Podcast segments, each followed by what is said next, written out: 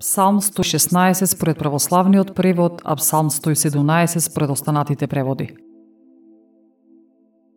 Фалете го Господ сите народи, прославувајте го сите луѓе, зашто се зацврсти неговата голема милост на нас и верноста Господова пребива вечно. Алелуја!